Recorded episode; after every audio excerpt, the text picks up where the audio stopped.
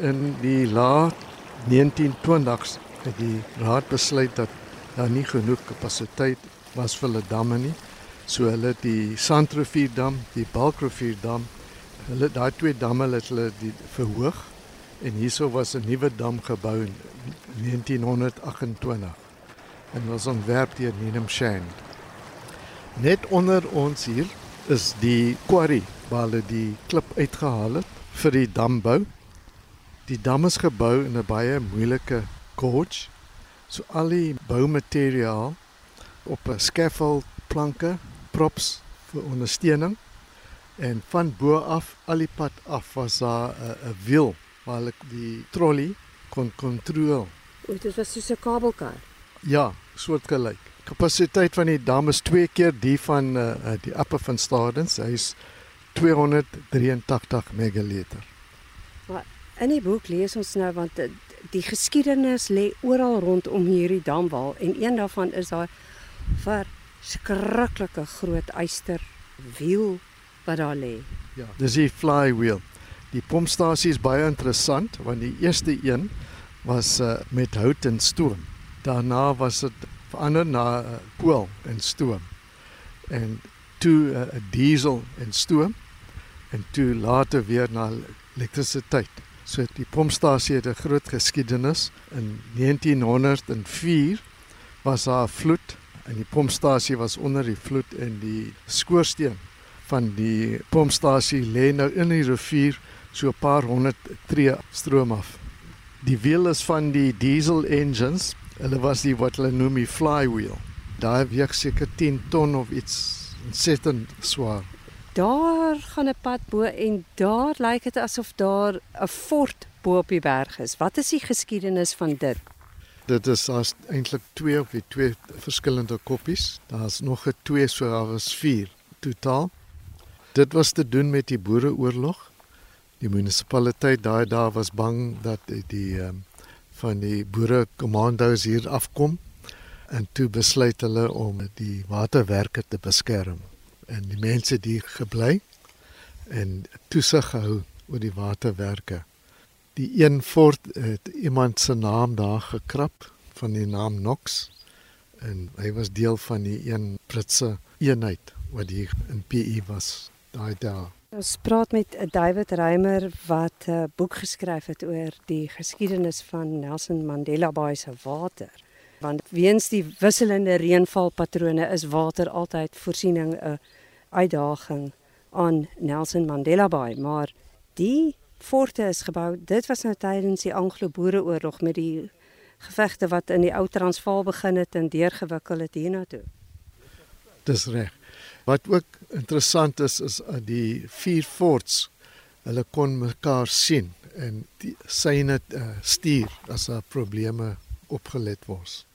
Nou as die boere krygers daarin sou slaag om hierdie stelsel op te blaas, wat sou die nagevolg gewees het? Die dop van PE naai daar sou sonder water gewees het en ook dit sou 'n uh, groot nederlaag gewees het dat die boere hier reg om die suide van die land kon inbeweeg en skade doen. Ek het nou baie gesien wat 'n verskriklike moeite gedoen word om genoeg water te bring na Nelson Mandela Bay en die Kouga streek met hierdie gebied waar die jy nie regtig kan praat van vaste reënvalpatrone en water eintlik 'n luukse is. En dan sien ek heeltyd hoe die stad net verder uitbrei en uitbrei en dan ook verder op nog nuwe boorde en alles. Is ons nie besig om verby die waterbronne te steek nie? Ja, dit sou kom dit so belangrik is dat 'n groot stad soos Geberre en en ander stede dat hulle langtermynplanne in het van volgende bronne. Nou in PE, ons is nou gelukkig dat ons kry baie van ons water van Geriepdam. Maar daar sal ook 'n beperking daar wees. So ons moet nou na ander bronne ook kyk. En een van hulle is die besproeiingswater in die Sondagsrivier. Om daai water uit die Sondagsrivier daar by Colchester uit te haal, te suiwer en in die stelsel sit. As jy praat van die water, dit is met ander woorde as die besproeiingswater klaar gebruik is in die afloop kom in die Sondagse rivier, Dit kom by Colchester en Colchester is die laaste stasie voordat die water in die see inloop. Dis korrek. Die idee is om die water uit te haal uit die rivier voordat dit eh, ontmoet met die seewater. Ek dink elkeen wat hierdie vier forte twee damme waterroete loop, sal besef hoe belangrik is water vir Port Elizabeth. Eintlik elke keer as jy jou kraan oopdraai, dan moet jy dankie sê. Ja, ek dink mense besef nie altyd nie hoeveel gaan in. Jy weet, terwyl ons slaap in die nag, is daar mense op skof wat werk om seker te maak dat ons water ten alle tye het. Behalwe nou met die outages met die droogte tekorting. Die mense wat water gebruik, as jy die kraan oopdraai, moet jy besef dat daai water kom 'n lang pad. As dit van Churchill is, is dit 120 km. As dit van die Geriepdam is, is dit 500 km. Waarvan 82 km in 'n tonnel kom. Die water moet gestoor word. Hy moet 'n uh, behandeling kry om hom skoon te maak. Dan word hy gepomp, groot pyplyne al die pad stad toe. En daarna gaan dit in reservoirs in en dan in die uh, distributiestelsel en dan individue aansluitings by jou meter vir elke huis. So die, water kom 'n lang pad en kos baie. Is groot elektrisiteitskoste met pompwerke en ook die behandeling van die water nodig chemikale waarvan een kloorgas wat baie duur is en dis om seker te maak ons kan die water drink. Ja, van 'n paar damme se afstande gepraat, maar dan is daar die Kouga dam en die Groendal dam en die Luri dam. Ja, die Kouga is die grootste van die damme wat die metro verskaf, maar die meeste van die water is gebruik vir besproeiing. Daai hoofkanaal van die Kouga dam eindig by Luri en die munisipaliteit het die Luri werke langs die dam. Nou een van die probleme is omdat die Kouga dam so leeg was, was ons erg besnoei van ons normale verbruik van 62 na 9 megaliter 'n dag. En nou moet ons die nooit gedagte water by Chelsea inkry om die Luri water te vervang. Maar daar's nog uh, besig met van die veranderinge en een van hulle is 'n pompstasie by Chelsea om die water in die Churchill pipeline te sit by Seaview. Groendal dam verskaf die uh, besproeiers in Kruisrivier en die munisipaliteit. Die rouwater kom uit by die Groendal waterwerke daar uh, by die Kaba en van daar word dit versprei meestal uh, in uitnag en Quanabushle en Rosedale en daai omgewing. Maar dit is nie genoeg nie so die nooit gedagte water kom ook daarin.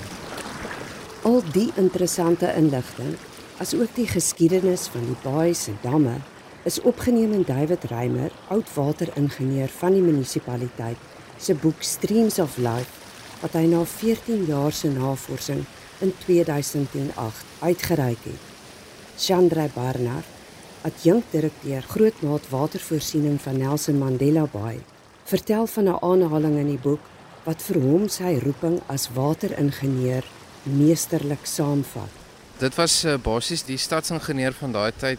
Dit was omtrent 'n 3 dag perdrit om hier te kom en toe hy hier kom en hy staan en hy kyk na die stroomwater wat hier, hier vloei, toe was hy half net hy hy kon nie glo dit is sy werk om hierdie stroomwater te kry by die mense wat dit so uh, desperaat nodig het nie. en en dit was vir hom dit het dit is vir hom amper meer as 'n werk gewees dit, dit maak dit baie spesiaal en is iets wat ek myself voel. So ek het eintlik hoendervleis gekry toe ek daai aanhaling lees want ek het daai selfe sentiment wat hy gehad het. En ek kan dit sien in van die ouer uh, geslagte soos hy Vrymer ook.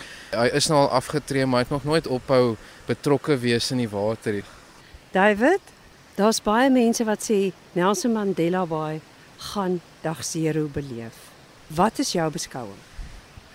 Sien heeltemal waar nie. Die konsep dag 0 was eers in Kaapstad ingebring met hulle droogte. Maar die verskil is ons kry water van die grootste dam in die land, die Geriepdam. En ons kry omtrent 55 tot 60% van ons water van daar af. So ons 0 sal net individuele damme wees, nie totaal nie. Ons sal altyd die toevoer hê van die Geriepdam die opvangsgebiede, daar's iemand wat gesê het die Die probleem met Nelson Mandela Bay is is dat die opgaardamme is op die verkeerde plekke gebou. Ja, dis 'n ou uh, hierdie storie daai. 'n Dam word deeglik ondersoek. Dis sien hoeveel water, dis 'n opganggebied, hoeveel reënval daar is en die regte lokasie om die dam te bou. En die feit dat twee van ons riviere twee damme het, wys jou net dat dit is nie waar nie.